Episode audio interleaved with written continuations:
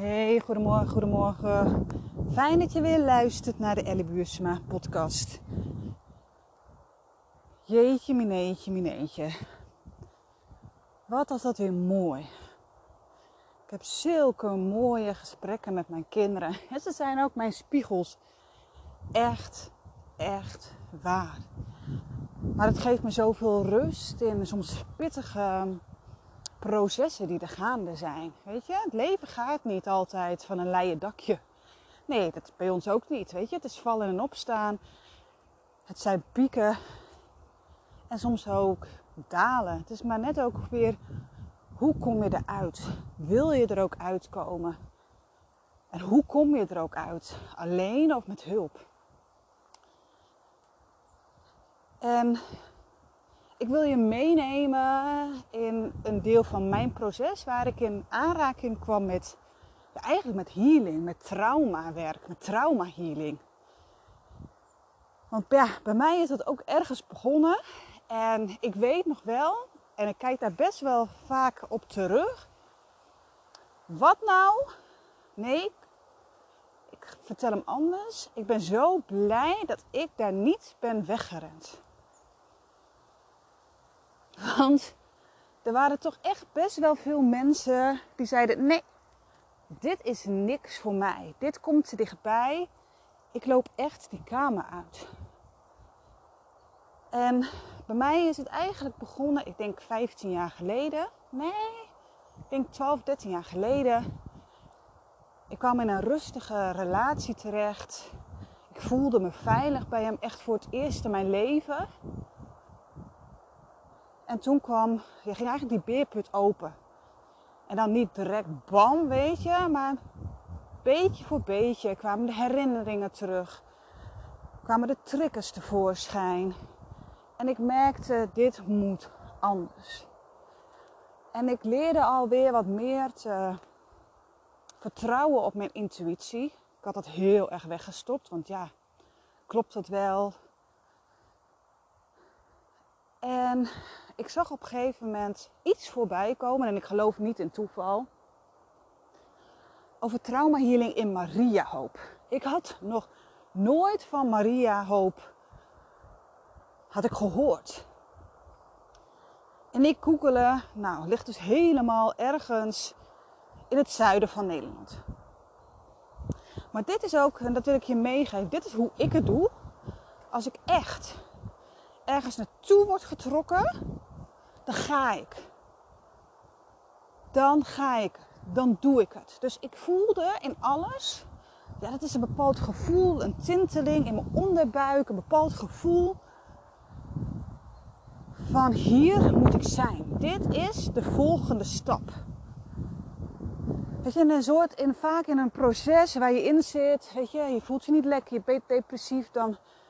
En nu dan? En nu dan? Je wilt dat stipje aan die horizon wil je zien. En gelukkig had ik nu, nou ja, een klein stipje. Ik ga naar Maria Hoop alleen in de auto, drie, vier uur erheen. Ben een breakfast geregeld, want het was, waren een paar dagen. En ik kom daar en dan staat daar een mevrouw, Kitty. Ik had nog nooit, nou ja, ik was nog nooit in aanraking gekomen met healing, traumawerk. En ik zag daar een hele liefdevolle vrouw. Die mij zag. Die mij echt zag. Niet de vrouw die depressief was met anorexia, met een burn-out en weet ik veel wat. Maar zij zag mij echt. En ik voelde hier al, dit is oké. Ik kan jou vertrouwen. Ik vertrouw mezelf niet. Vertrouw de hele wereld niet. Maar ik kan jou wel vertrouwen. Er was iets, ik weet het niet. Die, misschien een glinstering in de ogen, ik weet het niet. En ik wist eigenlijk ook helemaal niet wat me te wachten stond. Ik wist alleen maar, ik moet bij haar zijn. We waren in een groep. En die hele, het hele weekend ging over opstellingen. We gingen terug naar de baarmoeder. We hebben geschreeuwd, we hebben gelachen. Ze raakte mij op plekken aan. Waardoor ik mijn emoties kon laten zien. Ik heb daar zit een potje zitten schreeuwen met elkaar. Het was echt een soort schreeuwtraining. Heerlijk. En ik weet nog wel dat we op een gegeven moment een opstelling deden hè, met representanten.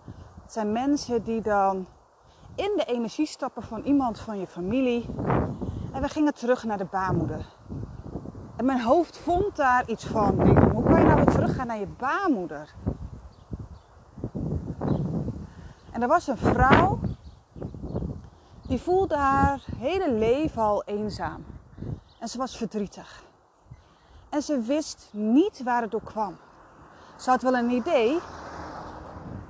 Maar uit, ja, er kwam uit dat zij een van de tweeling was. Die tweeling had het niet gehaald.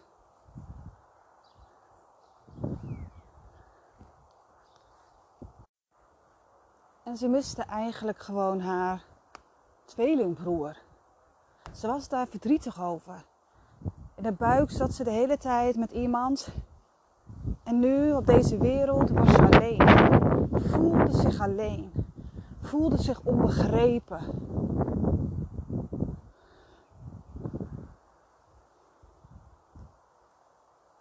En ik voelde eigenlijk alleen maar, hier moet ik zijn.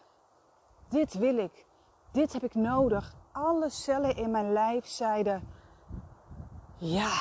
En tuurlijk vond ik het reeds spannend. Tuurlijk. Tuurlijk.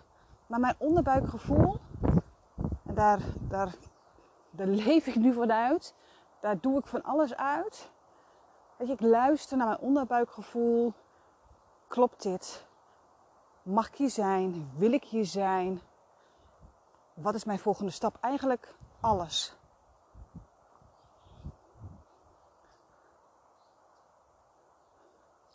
Het grappige is nu dat ik hier loop. Het is 11 oktober 2023, 12, 13 jaar geleden. Is dat ik nu precies, nou niet precies natuurlijk, natuurlijk wel mijn eigen ding. Maar wat ik 12, 13 jaar geleden heb gedaan en wat voor mij echt wel bepalend was voor de rest van mijn leven, dat doe ik nu in mijn eigen praktijk. Dus voor mij was het daar al heel duidelijk, alleen ik wist het nog niet, dat dit voor mij zo belangrijk was. Dat ik eerst zelf mijn shit mocht aankijken. Alles gaan aankijken voordat ik andere vrouwen, mensen kan helpen. En ik weet nog wel, ik had nog nooit van opstellingen gehoord.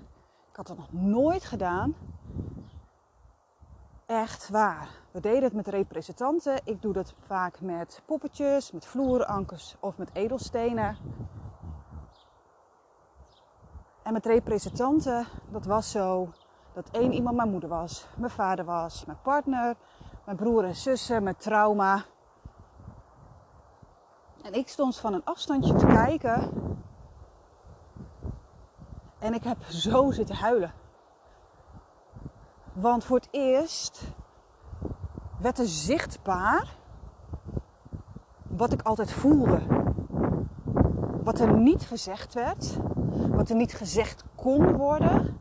Weet je, die onderstroom, dat, dat, weet je, je hebt heel vaak een gevoel. En dat dat zich liet zien. En ik was opgelucht, maar ik voelde me ook gewoon zwaar kut. Want ik zag de dynamieken in mijn gezin. Ik zag waar mijn vader stond ten opzichte van mij. Ik zag waar mijn moeder stond ten opzichte van mij en van, van, van, haar, van haar partner, van mijn vader. Mijn broer en zus. Ik zag ook mezelf in elkaar gedoken. Pijn hebben. Klein maken.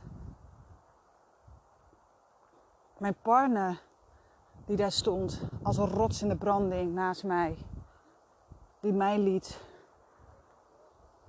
Ja, die echt gewoon naast mij stond. Zo van kom maar, ik red jou wel.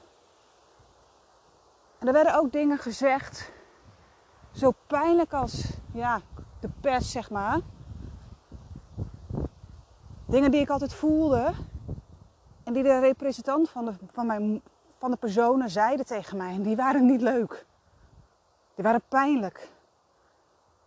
Maar wat het voor mij deed, is dat ik steeds meer weer ging vertrouwen op mijn intuïtie. Zie je nou wel, het klopt wel wat ik voel.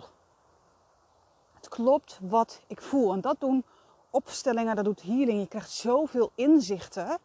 Je gaat echt weer vertrouwen op jezelf, waardoor je die veiligheid in jezelf weer kan creëren. Weet je, want we staan soms zo ver van ons gevoel af dat we echt twijfelen aan ons gevoel, omdat iemand zegt dat het niet klopt. Of omdat je zelf gaat, niet, nou ja, dat je het niet meer gaat geloven. Dat je echt gaat twijfelen aan jezelf. Maar je krijgt zoveel inzichten. Echt zo, je kan dingen echt loslaten. Je kan, gaat echt je emoties doorvoelen. En dat lucht zo op. Weet je, opstellingen, dat is echt magisch.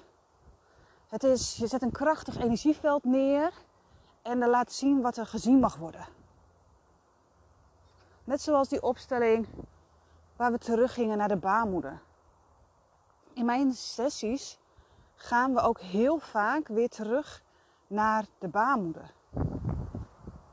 En dan denk je, ja, maar waarom dan? Daar kan al heel veel trauma ontstaan. Want je, eigenlijk word je geboren met trauma, want je neemt trauma over van generaties voor jou. Dus bijvoorbeeld, als jouw moeder angst voelt tijdens de zwangerschap, neem die over. Als jouw moeder heel erg graag een zoon wilt, jij bent een meisje, dan kan ze nog wel zeggen: Oh, wat fijn. Maar jij voelt, je kan je ongewenst voelen. Of dat je moeder eigenlijk helemaal nog niet toe was aan kinderen. Dat ze bang is. Zal ik wel een goede moeder worden? Misschien moet ik het maar laten weghalen. Dat voel je. En dan kan je daar op je volwassen leven, in je volwassen leven, kan je daar gewoon nog last van hebben. Dat je het gevoel hebt, echt, weet je, die wortel, die kernoorzaak, ben ik wel gewenst? Mag ik er wel zijn? Heb ik wel bestaansrecht?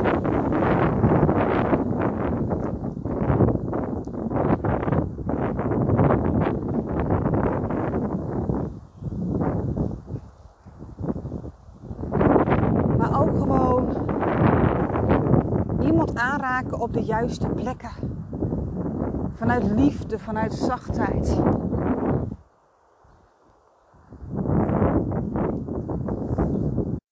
Echt, dat kan zoveel al voor je betekenen. Dat je een hand in je rug krijgt. En dat je voelt, oh weet je, ik word nu gesteund. Dat iemand een hand onder je nek legt. En dat je voelt, ik hoef het allemaal niet te dragen. Ik hoef even helemaal niks te doen. Je hoeft het ook niet alleen te doen.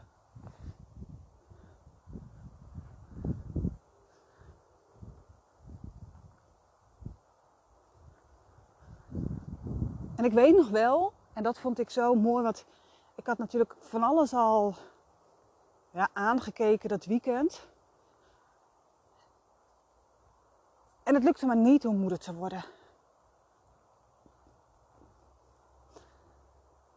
En ik vroeg aan haar, en dat is natuurlijk een hele gevaarlijke vraag, maar ik voelde heel erg, ik mag het aan jou zeggen. Ik mag het aan jou vragen. En ik zei het eigenlijk ook tussen neus en lippen door, want ik zou eigenlijk ook al weggaan, helemaal weer terug naar het noorden. En er was van alles al gebeurd en toch zat er nog wel van, hmm, klopt het allemaal wel? Maar ook weer totaal weer niet. En ik vroeg haar, Kitty, zal ik ooit moeder worden? En zij zei, Ellie, er zitten twee kindjes te wachten op een wolk totdat jij er klaar voor bent. En ik heb dat heel lang weggestopt. En jaren later, zeven, acht jaar later, ben ik bij de gynaecoloog en zegt hij: Je bent zwanger van een tweeling. En ik moest daar echt weer terug aan denken. Wauw. Wauw. En ik belde een beste vriendin op. Ik zei, ik, word ik ben zwanger van een tweeling. Weet je wat ze zei? Maar dat wist je toch al, schat. Dat wist je toch al. En natuurlijk wist ik dat ook wel. Alleen ik wilde dat gewoon niet helemaal geloven. Want ja, straks word je teleurgesteld. Dus voor mij is dit een zo'n belangrijke stap geweest vanuit mijn onderbuikgevoel, niet wetende wat we gingen doen, niet wetende wat er allemaal zou gebeuren. Maar ik heb mijn hoofd eigenlijk eventjes op de bijrijdenstoel gezet. Want als ik had geluisterd naar mijn hoofd, dan was ik niet gegaan. Dat weet ik. Want je hoofd die wil je, die wil je veilig houden. Je brein wil je veilig houden. Die vindt het allemaal wel prima. Ja, maar dan moet ik helemaal naar Maria Hoop. Ja, maar dan moet ik helemaal alleen in een bed and breakfast. Dat heb ik nog nooit gedaan. Allemaal angsten. Allemaal belemmerende overtuigingen. Alleen maar om mij hier te houden, hier in Assen. En ik ben toch gegaan. Dus voor mij was dit de stap. En voor een ander is dat weer een andere stap. Alleen het gaat erom dat je die stap zet. Vanuit het onderbuikgevoel. Van ja, ik ben er klaar voor. Ik ben er klaar voor. En voor mij was dit mijn eerste stap. Daarna volgde er nog veel meer. Maar er moet een eerste stap zijn.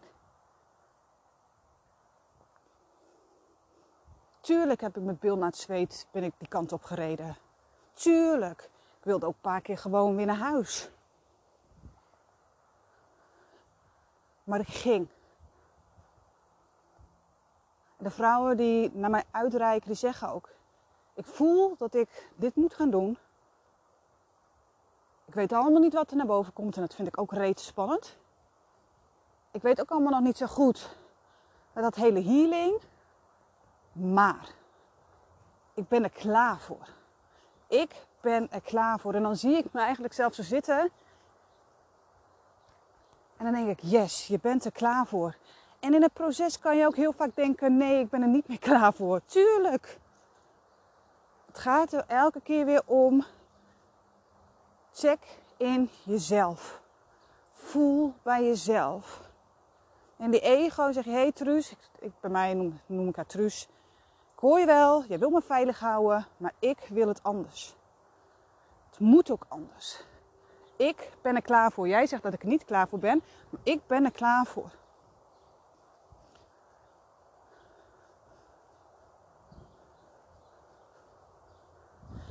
En als laatste wil ik dus ook zeggen dat als je aan de slag gaat met je proces, dat het geen quick fix is.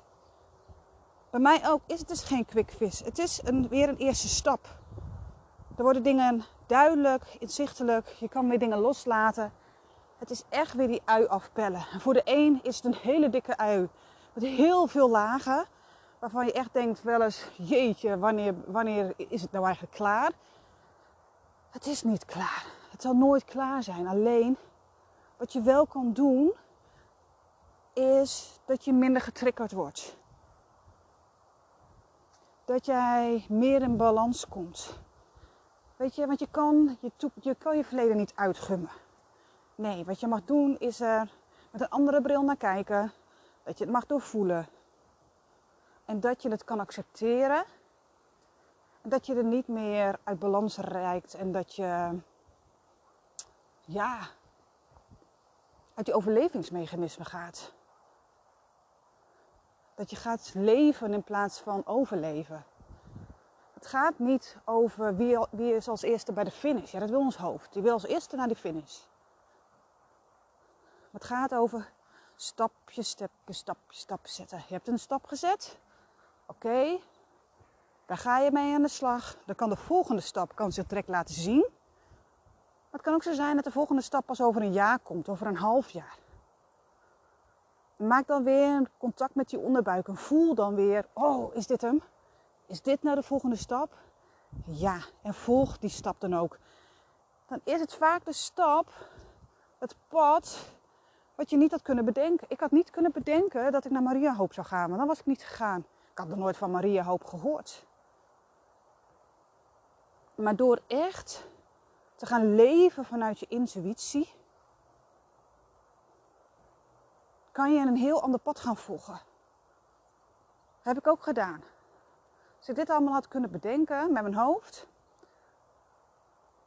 was ik nu niet transformatiecoach en healer geworden. Nee joh, ik had heel hard wat bij weggerend. Echt waar. Fucking spannend. Maar dit is wie ik ben. Dit is mijn authentieke ik. Hier word ik blij van. Hier ben ik gelukkig en ben ik weer meer, veel meer in balans. Dus kijk voor jezelf ook van welke stappen heb jij al gezet. Weet je, want ze zijn soms zo druk bezig met je finish. Dat we vergeten welke stappen we eigenlijk al hebben gezet. Ook al zijn het kleine mini-stapjes. Het zijn stapjes. Je bent vooruitgekomen. En soms is het twee stappen vooruit, één stap achteruit. Maar je gaat vooruit.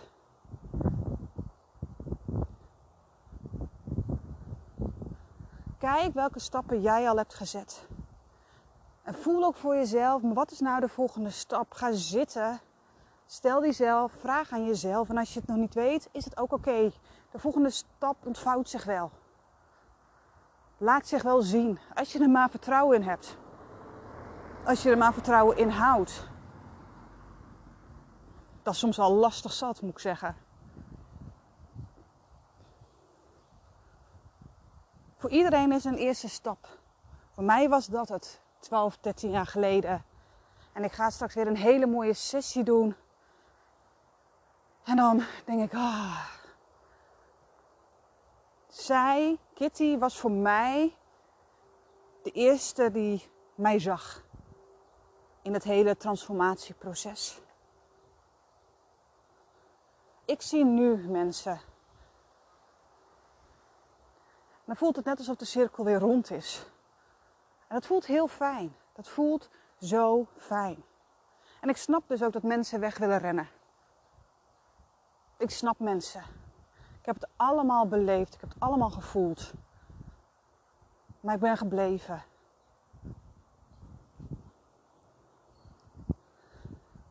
Nou, ik ben bijna thuis. Ik ga zo uh, lekker op de fiets. Als je nu denkt, weet je Ellie, dit resoneert met mij. Ik vind het interessant. Ik wil er meer over weten. Stuur me gewoon een berichtje. Info of ga naar mijn Instagram en stuur mij een DM. Instagram at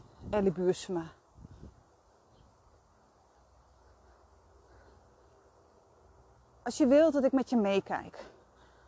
Je zit nergens aan vast. Maar of je wilt afstemmen met mij, of ik stem af op jou, van hé, maar wat is nou mijn volgende stap? Ik weet het gewoon niet. Laat het me dan gewoon weten. Geen gekke vragen, of hoe zeg je dat? Vragen zijn niet te gek. Ik kijk gerust met je mee. Yes? En als je nou denkt, weet je wat, deze podcast moet iemand anders ook nog even luisteren, dan zou het super mooi zijn als je hem deelt op Instagram of op Facebook of weet ik veel wat. Yes? Nou, dankjewel voor het luisteren. En ik spreek je de volgende keer.